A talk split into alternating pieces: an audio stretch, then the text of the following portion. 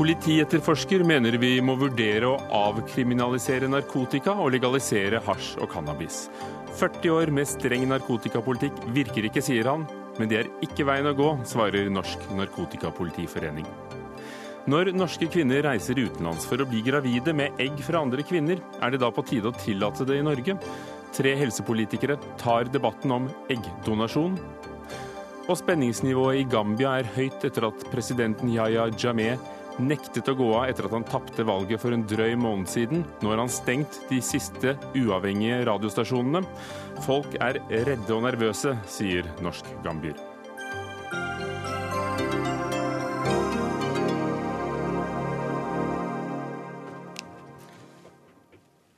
Han har sett de verste resultatene og baksiden av en streng norsk narkotikalovgivning etter snart 30 år som etterforsker i politiet.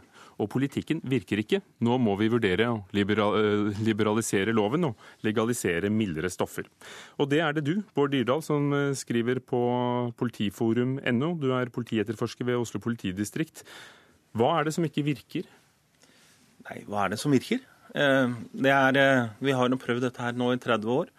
Det maksimale vi klarer når vi setter inn store ressurser, det er å kanskje flytte brukerne og de selgerne på gata en, en gate ned og en gate bort. Og muligens få opp prisen på narkotikaen med ti kroner. Bortsett fra det så har det ikke hatt noen særlig effekt på markedet eller, eller på situasjonen til, til brukerne. Vi hører jo stadig om, om, beslag som gjøres, om uh, nettverk og bander som, som, slås ned på og tas. Ja, det, det, gjøres mye godt politiarbeid. Det er veldig veldig mange dyktige politifolk som har jobbet med dette her i, i mange år. Det har vært investert enorme summer for oss å prøve å gjøre en forskjell. Men når, det, når man da tar, gjør opp regnskapet, så er forskjellen forsvinnende liten. Og, og ofte er forskjellen mest i negativ uh, retning. Vi har uh, noe av verdens uh, høyeste prosent for, for dødsfall, overdose-dødsfall.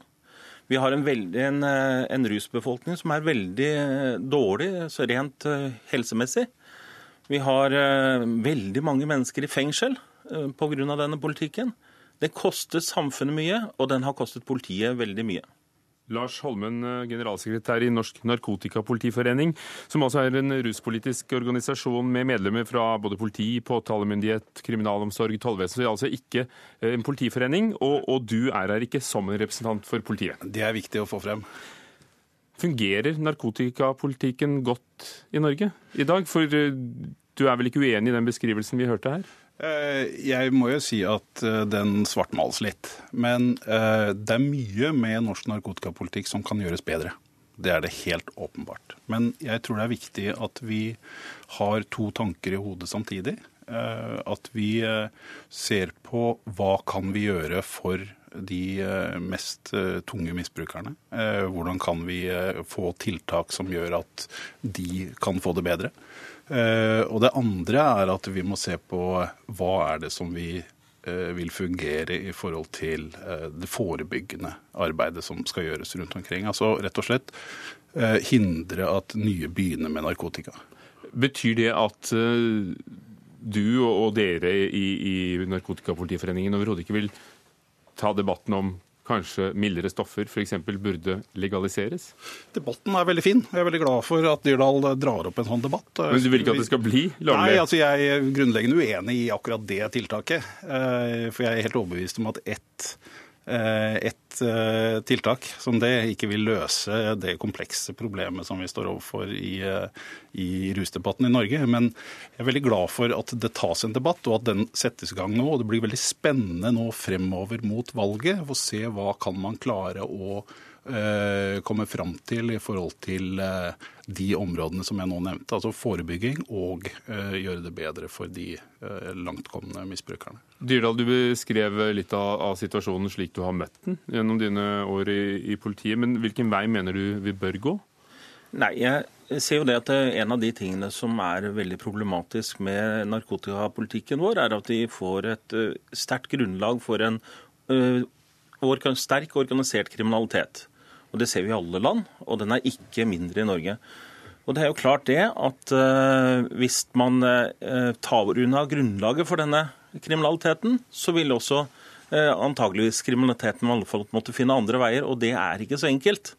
For det er dette vært den enkleste måten for de, for de å finansiere sin struktur og, sin, og det de holder på med. Og, og, hvordan vil det forandre ditt arbeid som politimann hvis, hvis visse deler av narkotikabruken ble avkriminalisert? Altså, problemet med avkriminalisering, for det er jo det som på en måte vi, vi, ser rundt omkring i verden, det er jo da en spørsmål, en debatt om avkriminalisering. Så spørs det hva man mener med avkriminalisering, da. For, for i, i, mange land, eller i en del land, som i USA, i en del stater i USA, så har man legalisert. Eh, og, og denne legaliseringen det gir jo en mulighet for en kontroll med markedet, på samme måte som vi har en kontroll over ruskonsumet ellers i Norge. Altså, og Da snakker alkohol. vi om hasj og cannabis? Ja, altså, Vi har ikke kontroll over hasj og cannabis, men vi har kontroll over alkohol og, og tobakk. Og, og, vi har strenge regler for alkohol og tobakk, og de fungerer. Sånn noenlunde. Og Mener du det fungerer godt i de landene hvor de har tillatt hasj og cannabis solgt på apotek, produsert av sertifiserte leverandører? Altså, Det er jo ikke så veldig mange land som har gjort eh, det fullt ut ennå, men, men i, i, Colorado i, i, USA så har man gjort det, og man har hatt en rekke andre stater som har mer eller, mer eller mindre gjort dette. Og, og, og, eh, veldig mye viser seg at det, det, det bedrer situasjonen for uh, generelt i samfunnet der hvor det er. Og da Lars Holmen, kunne vel dere brukt mer tid og krefter på å ta de store kriminelle nettverkene med de veldig, tunge stoffene? Det skulle vært veldig fint. Jeg tror at Dyrdal bommer på noen helt sånn grunnleggende elementer her. For det er faktisk ikke sånn at om man eh, legaliserer narkotika, så, så, vil de som driver med organisert kriminalitet, bare sette seg ned og begynne å spille gitar et eller annet sted. Altså, De finner helt andre områder å holde på med. Og, og eh, hvis man, eh, man, man, opplever fortsatt at det omsettes smuglersprit, selv om det er, er strengt tatt sprit er lovlig salgsvare, man ser omsett, ulovlig omsetning av sigaretter osv. Man, man har et enormt stort marked for Uh, ulovlig omsetning av uh, medikamenter, uh, som man strengt tatt da også har regulert på, på, på apotekene. Men det som, er, det som, er, interessant her, det er jo um, Narkotika er også regulert, men det er regulert strengere. Og det handler om at for alkohol så har man altså en etablert ruskultur som man har hatt gjennom mange, mange, mange, mange år med det resultat at ja, 80-85 i hvert fall av Norges befolkning drikker alkohol. Eh, for narkotika sin del så er altså de som brukte narkotika siste år, det er i forhold nesten ingen, kanskje 2-3-4% og vi syns ikke det er verdt å prøve eh, et, et, tiltak som vi er ganske sikre på gir en økning i bruk.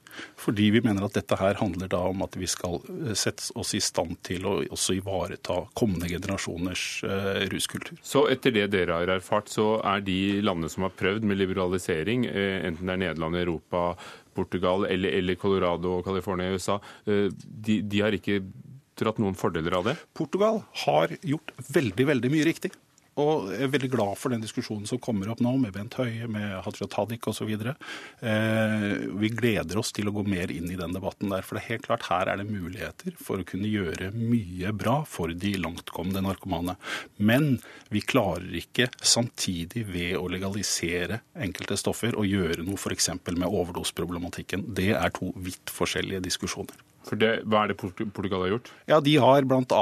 Eh, gjort mye i forhold til helsetiltak. De har fått ned behandlingskøene. De har bygd nye, si, nye boliger til eh, De har sanert hele bydeler. De har fått ned, fått ned eh, problematikken rundt, rundt eh, ansamling av kriminelle osv. Men de har altså fortsatt noen utfordringer fordi de har eh, avkriminalisert det, det, man ser i Lisboa sentrum f.eks., det er jo at man går og selger eh, stoff med akkurat den grensen som det er før man blir tatt. Og det er selvfølgelig noe man eh, ikke eh, ønsker her i Norge.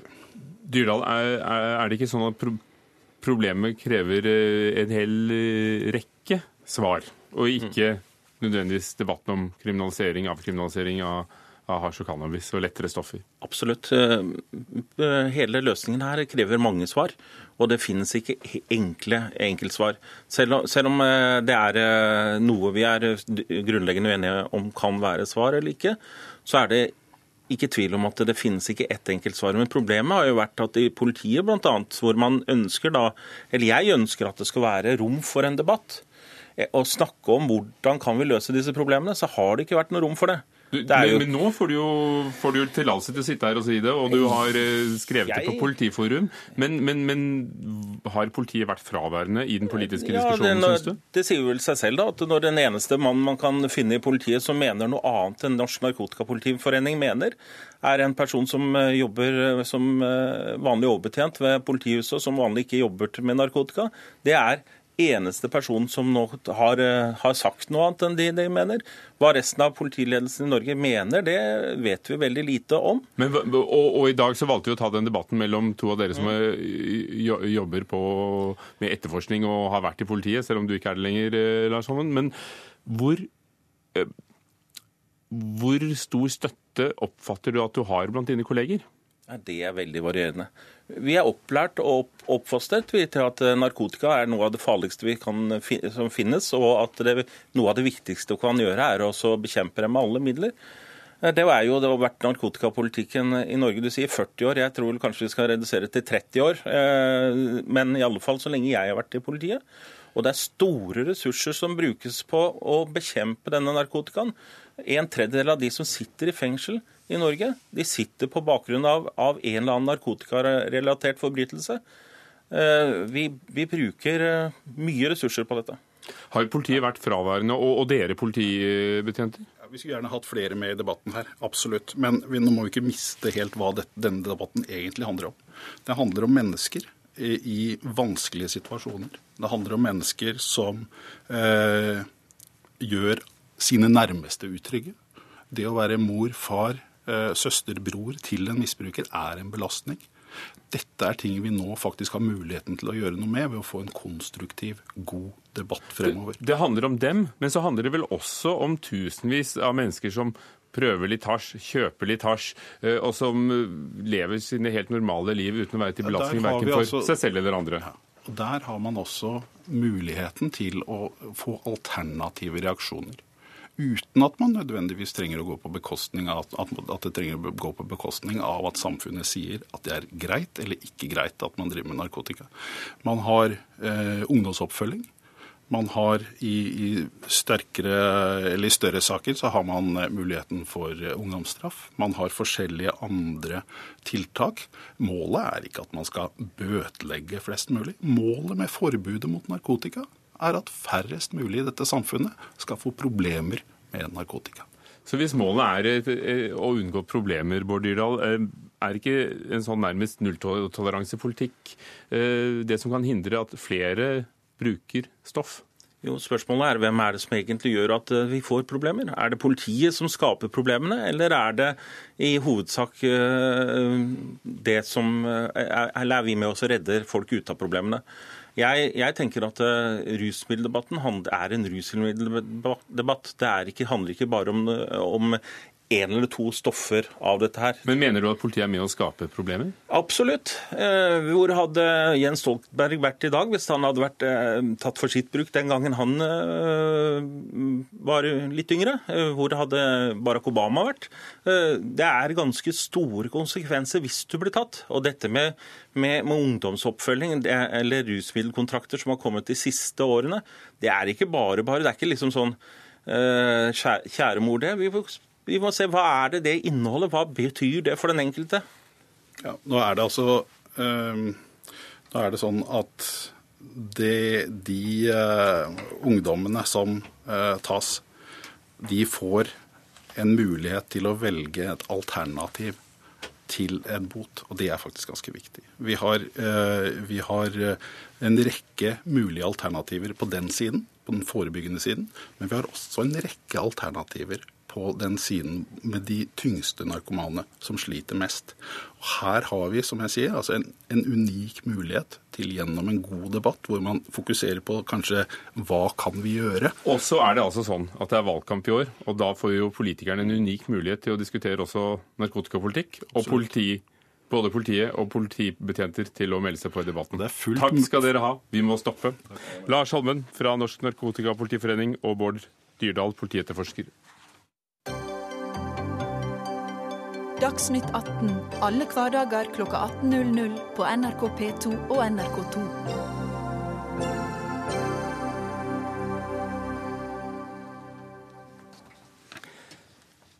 Om den største drømmen i livet er å få barn, og du har prøvd alt som er lovlig i Norge, men likevel ikke blir gravid, bør du da som kvinne få lov til å benytte deg av eggdonasjon. Siden dette er ulovlig i Norge, velger noen å dra til utenlandske klinikker. Og i Aftenposten i dag kunne vi lese om en russisk klinikk som gir store deler av pengesummen igjen om du ikke blir gravid på det tredje forsøket. I Latvia finnes det også klinikker, og i Spania. og Noen av dem har sider på nettet på norsk. Så det er et marked for, for, for det som i dag er ulovlig i Norge. Og, og Tone Trøen, stortingsrepresentant fra Høyre i helse- og omsorgskomiteen. Du mener at dette skal forbli ulovlig i Norge. Hvorfor det? Jeg mener at uh, å åpne for eggdonasjon uh, åpner helt nye dører. Det er etisk krevende. Det åpner opp for at et barn ikke lenger kan være trygg på at den som føder deg, er din mor. Og det, mm, det utfordrer også faktisk dette med at du kan ha du kan faktisk ha så mye som tre mødre. Altså, du har en mor som donerer et egg, du har en mor som bærer fram et egg, og så kan du også ha faktisk ved surrogati en annen mor som oppdrar barnet. Og det aller, aller viktigste for Høyre er barnets trygghet for hvor det kommer fra. Og det, det å åpne for eggdonasjon rokker ved dette. Vil det være annerledes enn ved, ved sæddonasjon eller adopsjon eller eh, livet generelt? Kan vi noen gang vite annet enn å stole på at våre foreldre forteller oss ting som de er? Den store forskjellen på eggdonasjon og adopsjon er jo at ved adopsjon så er barnet født. Det er et barn som er født som trenger omsorg av nye, eh, nye foreldre eller nye omsorgspersoner. Eh, ved eggdonasjon så er det jo eh, spørsmålet hvilke metoder skal samfunnet åpne opp for for at barn skal unnfanges. Eh, og det har vi i Norge sagt nei til, fordi vi mener at det beveger oss over en skranke som vi ikke ønsker å, å ta i Norge. Men det er jo ikke alle som ser det sånn. Og Ingvild Kjerkol, stortingsrepresentant fra Arbeiderpartiet, også med i helse- og omsorgskomiteen. Du er med oss fra, fra Værnes i, i, i Trøndelag. Noen, ja, Hva mener du? Hvordan, skal, hvordan mener dere i Arbeiderpartiet at det skal være? I Arbeiderpartiet så har vi hatt eh, det som standpunkt i en del år nå, at vi ønsker å åpne for eggdonasjon. Sånn som vi har sæddonasjon, og sånn som veldig mange andre land som det er helt naturlig å sammenligne Norge med, har i sitt lovverk i dag. Og um, det, det, har jo vært en prosess hos oss, selvfølgelig. Men det er jo en sak som er godt drøfta. Bioteknologirådet, som er det instrumentet vi har som, som fører en, en opplyst og, og, en eh, balansert debatt om disse typer spørsmål, de har f.eks. gått inn for det eller anbefalt det. Helsedirektoratet har også sagt at det ikke finnes helsefaglige begrunnelser for å ha det som et forbud i norsk lov.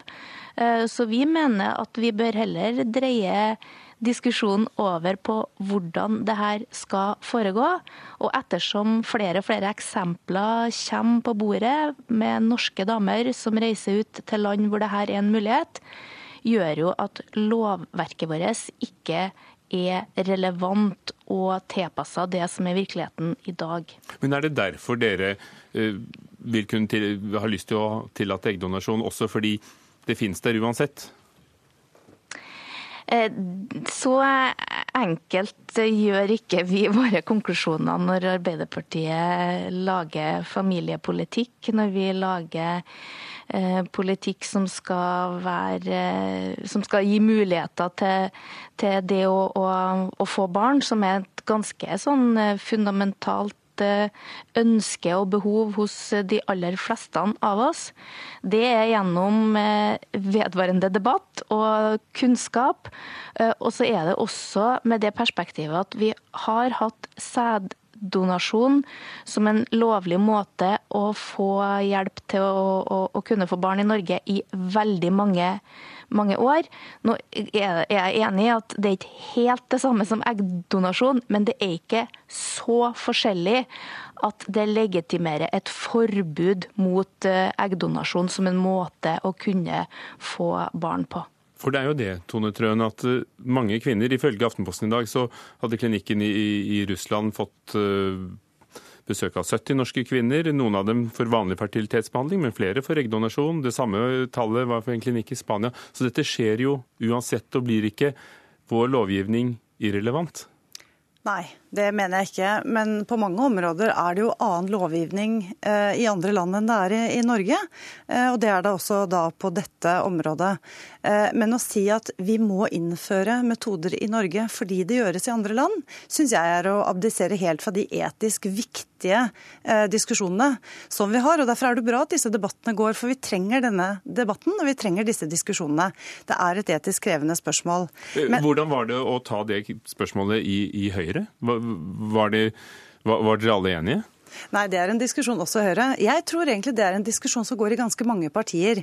For det vi ser at spørsmål som knytter seg til liv og, og død, eh, det er spørsmål som ikke nødvendigvis følger politiske skillelinjer, men som også handler om eh, de etiske ståstedene som hver enkelt av oss har.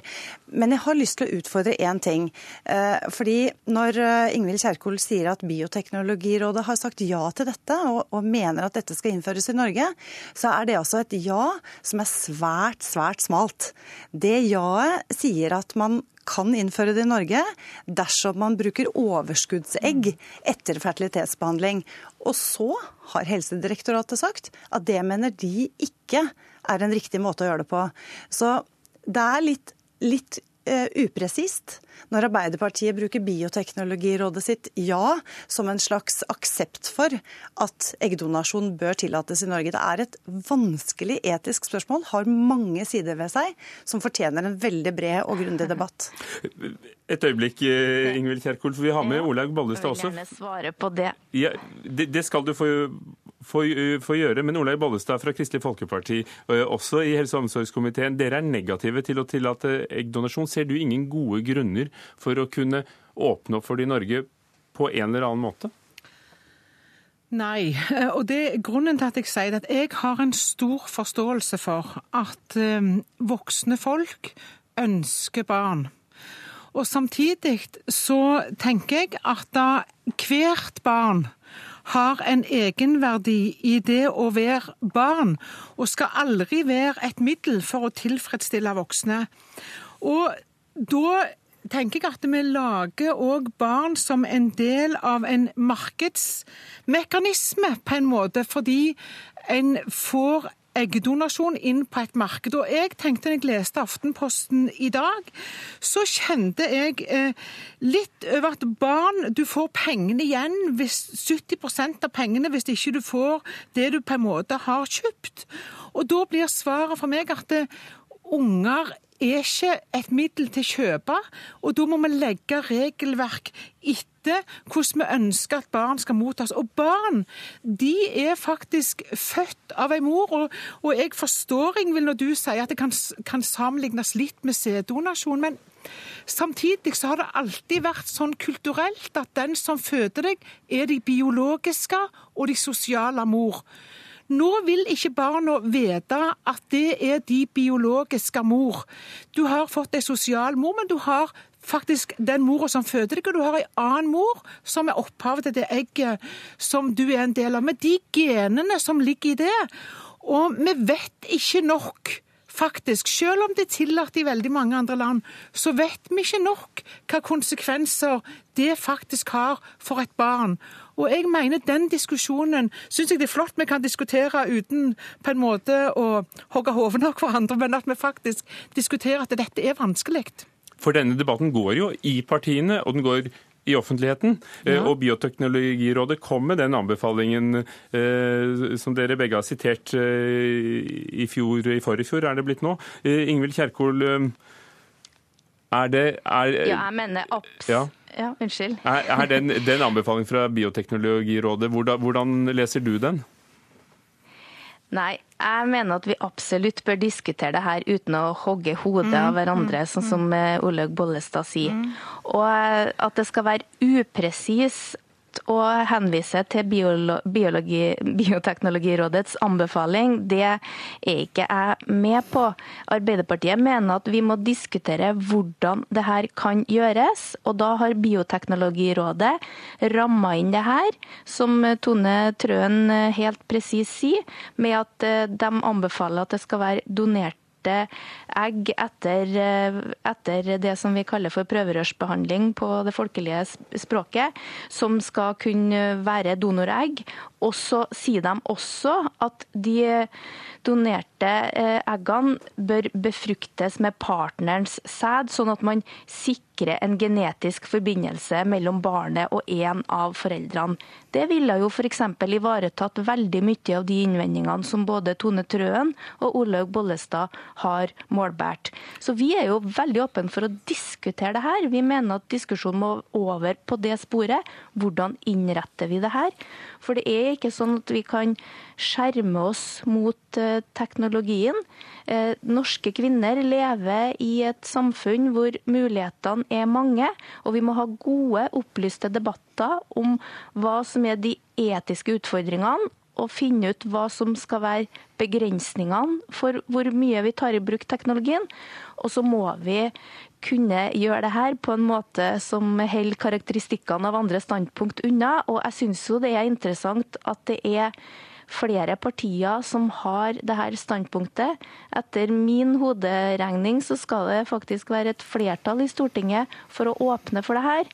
Og regjeringspartiene har også lovt å legge fram ei bioteknologimelding i denne stortingsperioden, hvor vi kunne ha fått drøfta det her godt. Både det faglige, det etiske og ikke minst hvordan man eventuelt håndterer de praktiske utfordringene det er at så mange land rundt oss har en åpning for det. Eh, men, men, kan, jeg, Ole, kan, jeg, ja. kan, jeg, få lov å spørre et spørsmål, Ingvild? Fordi at det Argumentet ja. om at mange kvinner og par reiser utenlands for å benytte seg av eggdonasjon, og at det er en teknologisk eh, mulighet, må ikke alene tenker jeg, være et fellende eh, argument for å åpne for det tilbudet i Norge. For jeg tenker eggdonasjon bryter jo en langvarig biologisk, kulturelle og sosiale forståelse av hvem mor er. Det er et gammelt prinsipp at den som føder deg, blir å betrakte som din mor. Eh, kan jeg få stille et spørsmål, Ballestad? Ja. Tror, tror, du at det er, er, er, vanskeligere for et barn å vokse opp hvis de er unnfanget ved eggdonasjon, enn, enn hvis de er gjort på gamlemåten?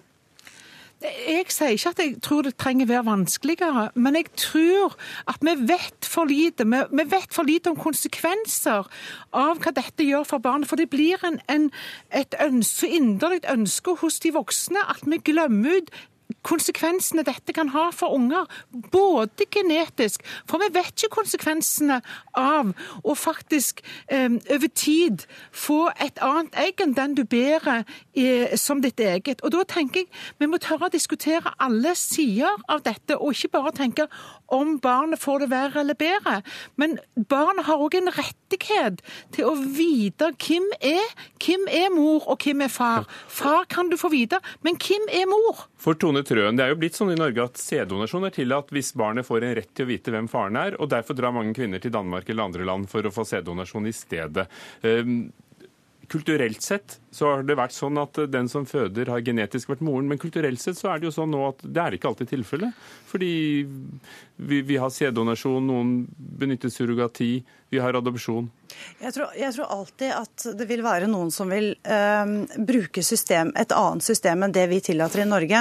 Eh, når vi leste artikkelen i Aftenposten i dag, så handlet det jo faktisk også om at man kunne velge ut egenskaper. Mm -hmm. Altså se sin, ja. sin donormor som barn. Mm. Det vil vi aldri kunne ramme inn i Norge. Altså vi, vi kan jo ikke nekte mennesker å reise utenlands for å gjøre denne type ting. Men det som er vårt ansvar, Ingvild Kjerkol og Olaug Bollestad, mitt ansvar, det er å ramme inn hva som skal være lov og hvilke metoder vi skal åpne opp i Norge. For det som er kjernen her. Hvordan skal vi eh, åpne opp metoder? Hvilke metoder skal vi åpne opp for at barn unnfanges? Og Siste replikk til deg, Ingvild Kjerkol, eller siste spørsmål. Er det sånn at, at dere i Arbeiderpartiet ser for dere at det skal være en, en rettighet for barn å få vite eventuelt hvor det kom fra, akkurat som det er med, med sædcellen? Det må være en vesentlig del av diskusjonen. Det sier både FN og Norges lov at eh, man skal ha en rett til å vite. Men for oss er det jo først og fremst likebehandling mellom kjønnene, og det at en stadig økende del av befolkningen opplever store utfordringer med å bli gravid og få barn på naturmåten. Og det er også vår fordømte plikt som politikere å legge til rette for den delen av befolkningen som opplever det her som veldig sårt og vanskelig. Og vi ønsker men, men det, at det skal okay. fødes flere men, barn i Norge. Her må jeg nok avbryte deg. Ikke at fødselstallene skal gå ned. Men Ingvild, det aller viktigste må jo være uh, hva, som barnets, ba, ja. hva, som er barnets, viktigste her. Det er det i alle sammenhenger, uansett hvordan barn er ung, um, um, unnfanga. Og det unnfanges barn både med og uten teknologi i Norge. En siste replikk til deg, Olaug Bollestad. Nei, altså Jeg vil ha barnets fokus òg, og ikke bare foreldres, foreldrenes rettighet til barnet, men òg barnets rettighet til å vite hvem mor er. Takk skal dere ha, alle sammen. Olaug Bollestad fra Kristelig Folkeparti, Tone Trøen fra Høyre og Ingvild Kjerkol fra Arbeiderpartiet.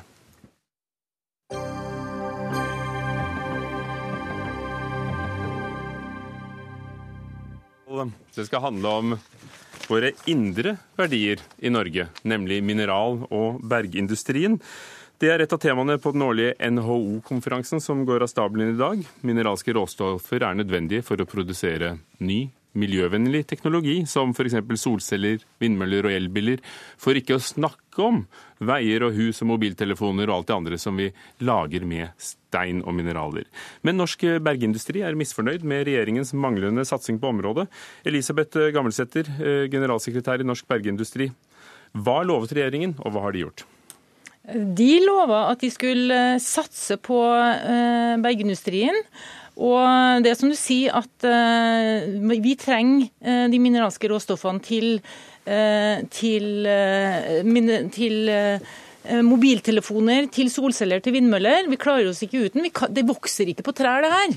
Det må utvinnes. Vi har ressursene, og vi driver i henhold til et av verdens strengeste miljø- og HMS-regelverk. Men hva betyr det så å satse på mineralnæringa? Ja, hva, hva, hva, forventet du deg da denne regjeringen kom, da? Jeg forventa meg at man la til rette rammebetingelsene. Og eh, et, jeg sier tusen takk til at man har sluppet frem enkeltprosjekter. Det er gruveprosjekter som Nussir og Engebøfjellet og Nasafjell. Eh, som har fått, lov, eh, som har fått eh, reguleringsplan og utslippstillatelse. Men enkeltvedtak alene det utgjør ingen satsing. Å avgjøre søknader som har ligget i systemet i ti år, det bør være en selvfølge. Og Norge vurderes systematisk som mindre attraktivt som bergverksland enn våre nordiske kolleger mm. eh, Sverige og Finland. Men, men, la oss nå ta disse momentene, for her har vi en, en politiker fra regjeringspartiet Høyre, Gunnar Gundersen, næringspolitisk talsperson. Du må svare på regjeringens vegne, siden den politiske ledelsen i Næringsdepartementet ikke kunne eh, i dag. Eh, Solberg-regjeringen sa i, eh, i Sundvolden-erklæringen at det er store verdier i fjellene våre. Mm -hmm. Mineralnæringen vil derfor være et viktig satsingsområde. Ja. Det høres ikke sånn ut som dere har fått det til. Jo, det mener jeg vi faktisk har. og der er vi skjønt enig. Altså, Mineralnæringen kommer til å være veldig viktig framover. Nesten alt vi omgir oss med av ny teknologi, inneholder masse forskjellige typer mineraler. Så det er, det er full enighet om om eh, både mulighetene og potensialet i næringen. Så har vi gjort en rekke ting på de generelle rammebetingelsene som også kommer, eh, kommer mineralnæringen til gode. Og, og, spesielt på mineralnæring så har vi gjort forenklinger i planprosesser. Vi har gjort en, en rekke grep der som, som uh, har gjort det enklere. Men så, så, skal jeg også være enig i at det norske demokrati altså Mineralnæring er komplisert for det. Den setter spor. Det er ikke mulig å drive med mineralnæring uten at det blir ganske store inngrep. Og Det er klart at det kommer man ikke unna i et norsk demokrati. Man må leve med de standarder og de krav som resten av samfunnet setter. Og man må også leve med at lokaldemokrati skal, eh, skal ha sin stemme inn i dette her. Så, så det er jo kompliserte prosesser, men jeg håper jo at bergindustrien er fornøyd med at vi faktisk har skåret igjennom på Nussir, på Nordic Mining, på Nasafjell. Altså vi har, vi har tatt en del viktige enkeltprosjekter som er blitt liggende også etter den forrige regjering. Så det viser jo at det er lang, lange prosesser her. Har det, har det alltid vært for tregt, vil du si, Elisabeth Gammelsæter? Eh, det har blitt en økt interesse for bergindustrien, og, både forrige regjering og den nåværende har, har, tatt eh, grep nå. Vi jobber løpende med dette med inngrep, som du, som du, snakker om. Men vi mener at man altså ikke er helt i mål. For Norges geologiske undersøkelse har mista letemidlene sine. Det er en lang konsesjonskø. Og så er det kommunenes rolle som jeg er litt opptatt av at man kanskje ikke er helt i mål med. Og så tar det altså seks år å få behandlet seks, en søknad. Seks år. Eh, og, og, selv om demokratiet virker og kommunene skal si sitt og, og, og miljøvernmyndigheter osv. Det ta, behøver det ta seks år? Nei, det er vi også enige om. Det kan godt være at vi, vi kan fortsette ved veien mot å få til forenkling, bl.a. samkjøring mellom forskjellige statlige etater som så skal ha, ha dette her til behandling. Men, men, det, er vi, det, er vi, også enige om, men, men, det er faktisk gjort en god del grep. og Det, det jeg oppfattet litt var at lokaldemokrati kan faktisk ikke overkjøres. men eh, For det er, det er, det er ganske så store forskjellige typer interesser knytta til dette her. Men, men, der har noen kommuner tatt grep for å, å få gjort vei i vellinga. De, de, dere nevner at kommuner selv kan behandle bergverksindustrien bedre. Altså, det, denne regjeringa satser jo stort på lokaldemokratiet. Så de som, som f.eks. i Kvalsund, der har man jo engasjert seg på vegne av Nussir, eh, eh, kommunen. Men så har du andre kommuner der man eh, avviser allerede på planprogramnivå. Det betyr at eh, tiltakshaver får ikke lov til å legge frem konsekvensutredning. Han kan ikke få frem faktagrunnlaget for om dette er et godt eller dårlig prosjekt eller ikke. Det... Men, men... Nei, men det er, det er, ganske interessant. for det er, det er, eh, Kanskje vi også skal diskutere litt forskjellig måte hvordan vi fordeler gevinsten ved, ved mineralutvinning. For det er klart at et lokalsamfunn tar ofte veldig stor belastning ved at man får en, en, gruvedrift i lokalsamfunnet, og så føler man at det blir for lite som blir sittende igjen. Denne diskusjonen har vi rundt en rekke næringer. Vi har hatt det på, på oppdrettsnæring, vi har det på mange Hvordan kan også lokalsamfunnet se den store nytten av det, utover det at det er arbeidsplasser, for arbeidsplasser er viktig. Og det er jo en næring vi snakker lite om, men som er ganske stor. Altså 12,9 milliarder kroner var omsetningen i fjor i Norge, og syv av dem går til eksport. Og, og du nevnte en del navn på steder og gruver og, ja. og nye initiativ. Mm. Hva er det eh, dere utvinner? Kan du gi oss noen eksempler på fremtidsrettede prosjekter for, for deres næring? Ja, Nussir var vi innom. De eh, ønsker å ta ut kobber. Det trenger vi i, eh, i elektrifisering, f.eks. Det er jo kjempemarked. Vi ser at folk stjeler jo jernbaneledninger over hele Europa. Det er helt riktig. Skal du, skal du sette opp en vindmølle, så trenger du neodym, som vi har potensial for i Norge. Eh, til en solcelle så trenger du kvarts. En Enhver smarttelefon i verden har tre gram kvarts fra Tana i Finnmark. Så for å få til et grønt skifte så trenger du mineraler. Ja, fordi dere lanserer jo dette som grønne mineraler. Ja. Eh, men, eh, og det er jo ikke det produkt som ikke lanseres som grønn for tiden. Men, men, men, det, men det handler vel også om mye mer enn det? Ja da, fra uh, kjøkkenbenker i naturstein til pukk i veien til Altså, malingen på veggen er jo full av, uh, full av uh, finmalt filler, såkalt. Som kanskje er tatt ut på Stjernøya i Finnmark. Så dette omgir oss overalt. Dette... Og likevel så kuttet deres regjering da bevilgningen til NGU, Norges geologiske undersøkelser. Hvor, hvorfor det?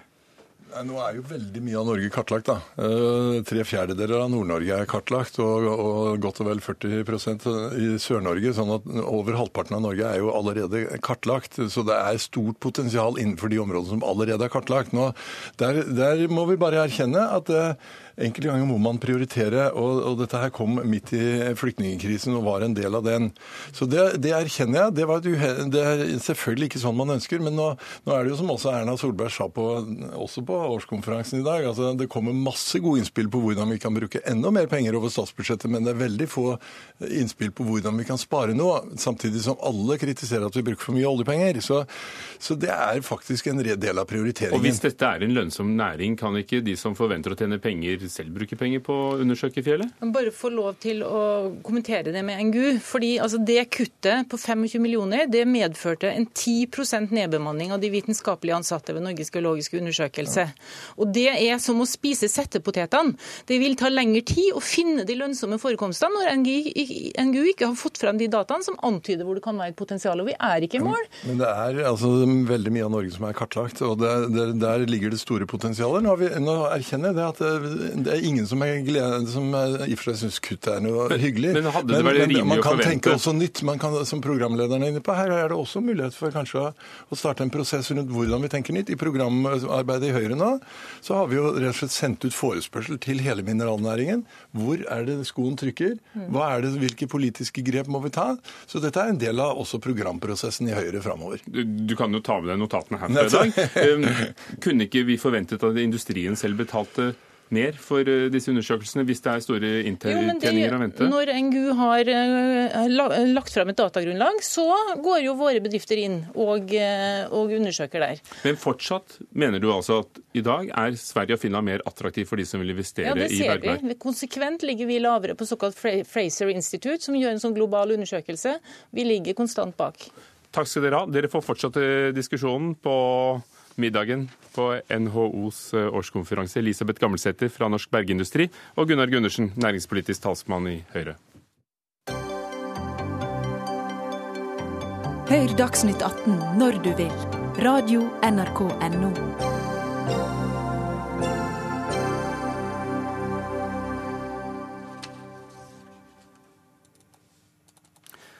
I Tyrkia så er det en eh, rekord som eh, landet har eh, hatt flere ganger, men eh, i fjor også, nemlig at det er det landet med, der flest journalister sitter i fengsel av alle verdens land. Det viser en oversikt fra den amerikanske organisasjonen Committee to Protect Journalists.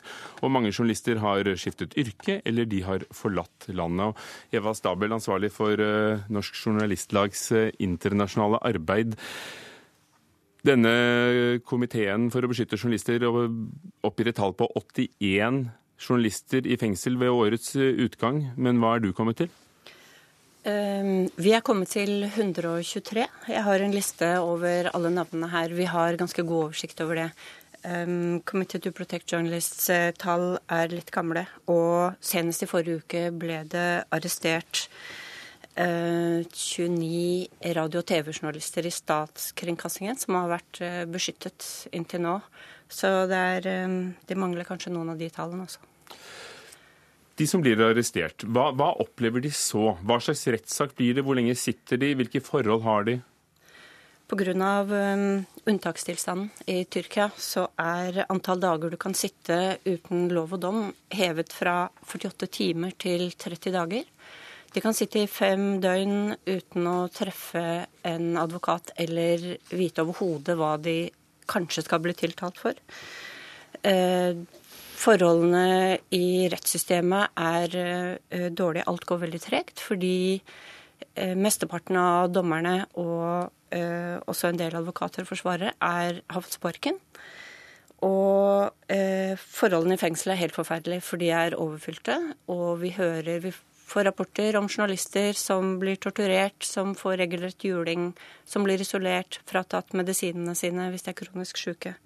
Det er ganske alvorlig. Eva Stabel, eh, du var med i en delegasjon og besøkte Tyrkia på tampen av fjoråret. Hva sier myndighetene offisielt? Altså, Hvilke saker er de fremmer mot disse fengslede journalistene? Myndighetene sier at uh, dette er um, trolig terrorister. Um, unntakstilstanden gjør at de har ganske vide uh, mulighet for å arrestere eh, journalister som er mistenkt for å ha vært med på kuppet i eh, 15. juli sist sommer. Eh, de har ennå ikke levert et eneste bevis for en eneste av de arresterte journalistene.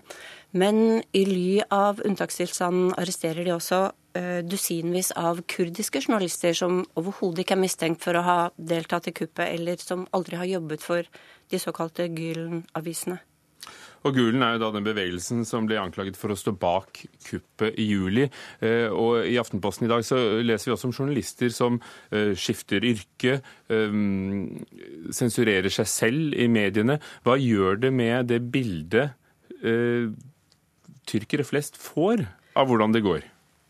Tyrk, tyrkere flest får overhodet ikke noe bilde av hva som egentlig foregår. De får bare president Erdogans og hans regjeringsversjon.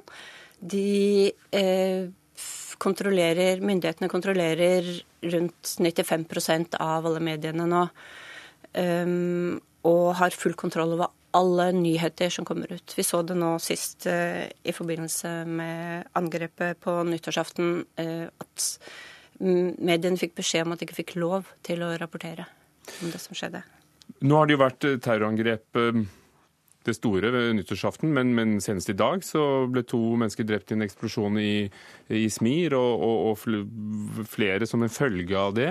Eh, og så var det jo det store kuppet i juli. Men denne statistikken har jo vært dyster lenge. I, I, 2013 så var det 40 journalister som var fengslet. Det var 60 året etter. Så er det en krusning på et bølgende hav, eller har eh, Erdogan og hans regjering eh, strammet skruen? Tyrkiske journalistorganisasjoner beskriver det som en snøball som eh, har begynt å rulle, og som stadig tar med seg mer og flere.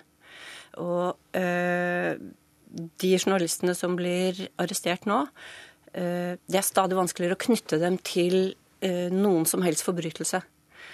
Um, mm. Tusenvis av journalister er arrestert. Og Over det... 100 medieselskaper ble, ble, stengt etter kuppet. Hvordan går det med dem? Er noen av dem gjenoppstått, eller uh, Nei, nå... har disse radiostasjonene, TV-stasjonene, avisene og ukebladene bare måttet stenge for godt? Um, de håper jo ikke de har stengt for godt, men de har fortsatt stengt. Og det er over 130 medier nå som er stengt. Mm. Så hva kan dere gjøre? Hva gjør internasjonale organisasjoner? For det finnes jo mange. Dere i Norsk Journalistlag driver internasjonalt arbeid. Du har Committee to Protect Journalist, Reportere uten grenser. Vi samarbeider først og fremst med Europeiske journalistføderasjonen og Den internasjonale journalistføderasjonen, som er organiseringen av alle journalistene i Journalistforbund. Vi samarbeider med de tyrkiske forbundene, eh, som også jobber sammen eh, om dette. Det er viktig å rapportere hva som skjer. Det er viktig å si ifra til dem at vi ser hva som skjer. Det er viktig å si til myndighetene i Tyrkia at vi også ser hva som skjer. Og eh, det er viktig å si til norske og andre myndigheter at de må være med å protestere. Og det gjør de også. Mm. Og så har vi prosjekter sammen med det tyrkiske forbundet. Eh, vi kan støtte dem økonomisk og på andre måter. Det er veldig viktig for dem å vite at vi er der og at vi ser. Men nå er jo Tyrkia et internasjonalt orientert land med en av verdens største flyselskaper og flyplasser. Eh, så folk som er kritisk anlagt og, og kanskje støtter opposisjonen, hvor får de nyhetene fra? For på en eller annen måte så, så er det jo ikke sånn i dag at vi, vi, vi, må kjøpe en avis for å lese siste, nytt. Har de gjort noe med medielandskapet? Ja, det har det nok. Men um de er da avhengig av å kunne lese et fremmedspråk og kunne orientere seg i internettjungelen og se hva som er ekte nyheter, og hva som er fabrikkerte eller vridde eller propagandanyheter. Mm. Det er ikke alltid like lett. Takk skal du ha, Eva Stabel fra Norsk Journalistlag om mediesituasjonen i Tyrkia.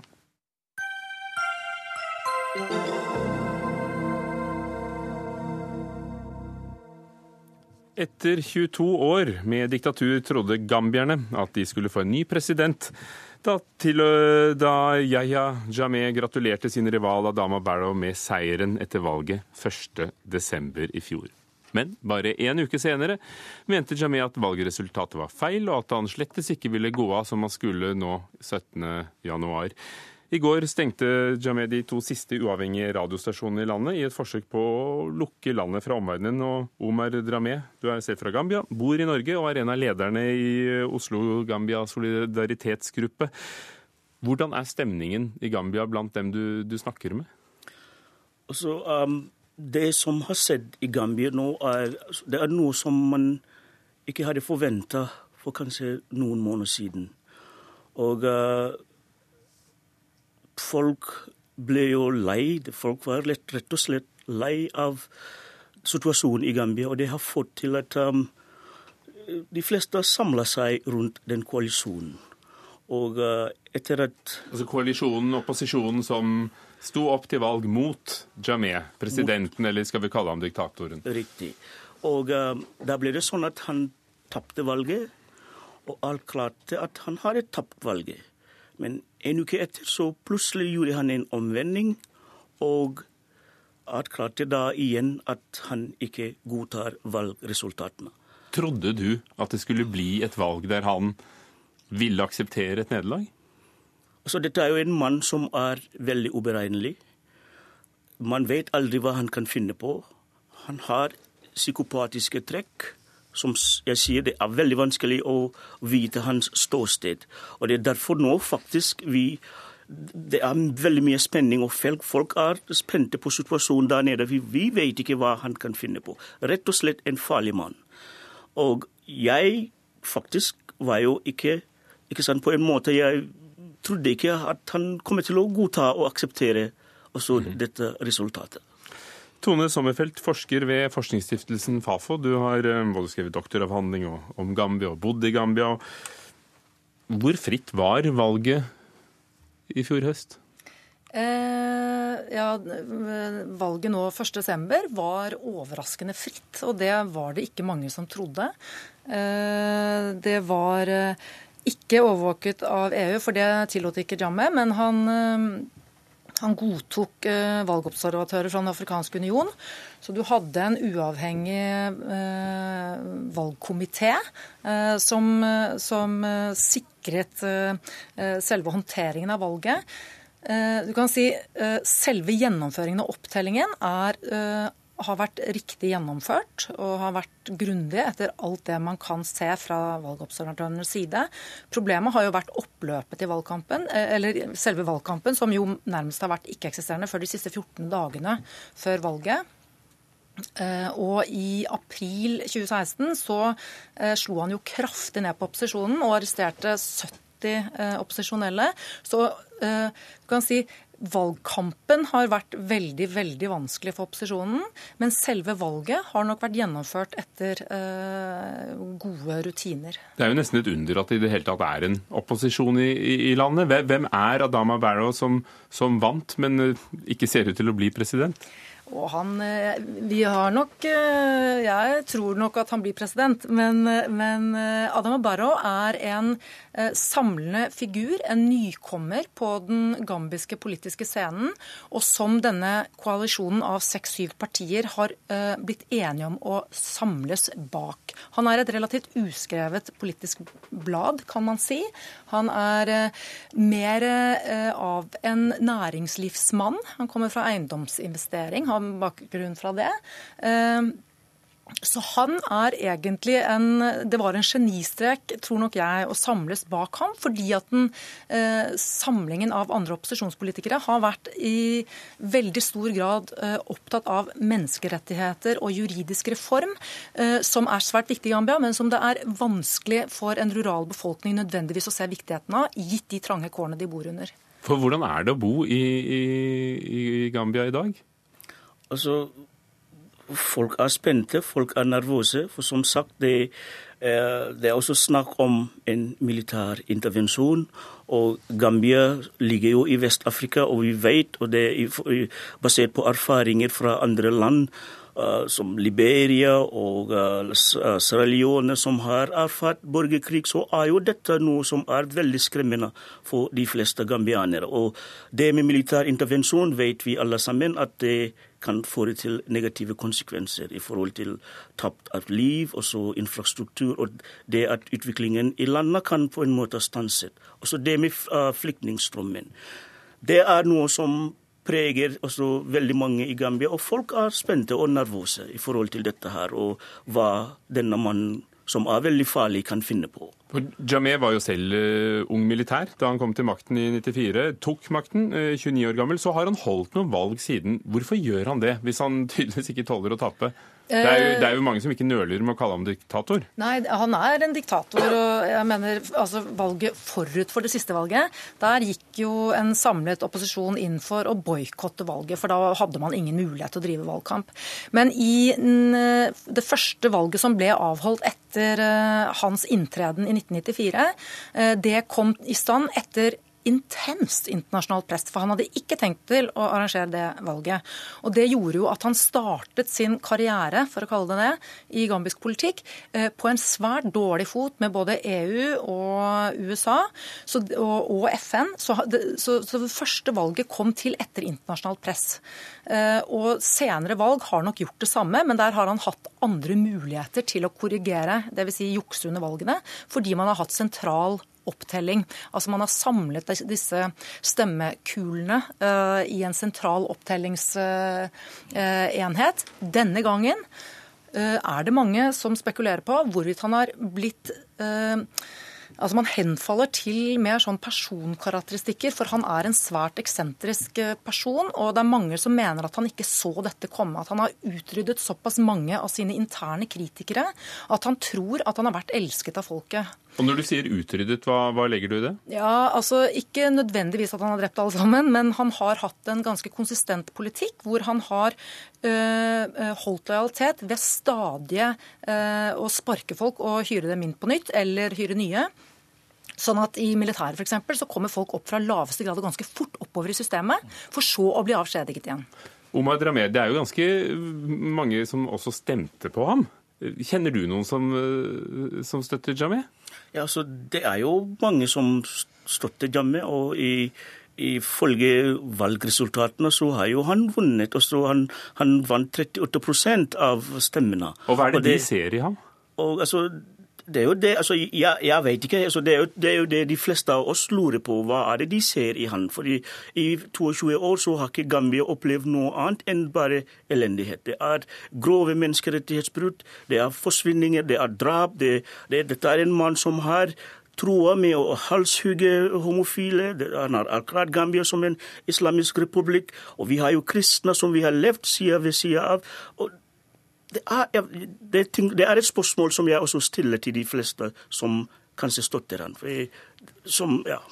Har du møtt noen som har støttet Jamie? Ja, og hva sier de? Uh, nei, det, jeg tror at det er riktig å si at uh, mens uh, den presidenten som gikk forut for Jammeh, han hadde jo et veldig godt rykte i forhold til menneskerettigheter og mye annet. Og, han, men han gikk Eh, gjennom en periode som var ganske vanskelig på slutten av hans presidentperiode, med strukturtilpasningsprogrammer osv., som gjorde at det var en vanskelig økonomisk tid for Gambia eh, forut for kuppet. Så du kan si det var mye økonomisk misnøye også eh, mot slutten av presidentperioden til Jawara, og den, det havet av misnøye det fisket Jammeh i. Og han har jo etter hvert greid å kneble pressen så ettertrykkelig at det har vært veldig vanskelig for gambiere som ikke har tilgang til internett, Eh, eh, på landsbygda og faktisk eh, orientere seg om hva som foregår i eget land. Svært mange gambere blir oppdatert gjennom eksterne nyhetskilder. Og I går marsjerte de altså inn og stengte de to siste uavhengige radiostasjonene. Ser du faren for økt vold, borgerkrig? Jeg vet ikke om borgerkrig er riktig ord, fordi jeg tror at svært mange nå faktisk snur Altså, det er mange som har vært opptatt av stabilitet som verdi. Og nå er ikke lenger Jammeh en kilde til stabilitet. Eh, tvert imot. Men jeg tror at han er Det er svært vanskelig nå å vite hva som er hans reelle støtte internt i det militære og internt i det hemmelige politiet. Det kan godt være at de greier å yte motstand, men det er vanskelig å se. Men ja, man er veldig bekymret for en voldsspiral. Og nå skal han ha opprettet en egen eh, domstol som skal ta stilling til valgresultatet 10.1. Omar Dramé, hva tror du? Vil opposisjonskandidaten bli president, som han er valgt til? Altså, Meninga er jo da at, at han som vant valget, Barrow, skal tas i ed den 19. januar. Og altså, Forventningen er da at Jammeh skal gå av den 18. Og Hvis han ikke gjør det, så har jo ECOWAS sagt veldig klart og tydelig at det blir en militær intervensjon. Hmm. Tror du, hva tror du? Jeg håper ikke at det blir en militær intervensjon, men at han går av frivillig. Takk, Omar Dramé og Tone Sommerfelt, forsker ved Fafo. Og i Urix i dag, ny sendetid fra og med i år, eh, januar 22.30, så blir det mer om Gambia. Lisbeth Sellereite var teknisk ansvarlig. Ida Tune Øresland, ansvarlig for sendingen. Ugo Fermarello, programleder. Takk for i dag. Hør flere podkaster på nrk.no podkast.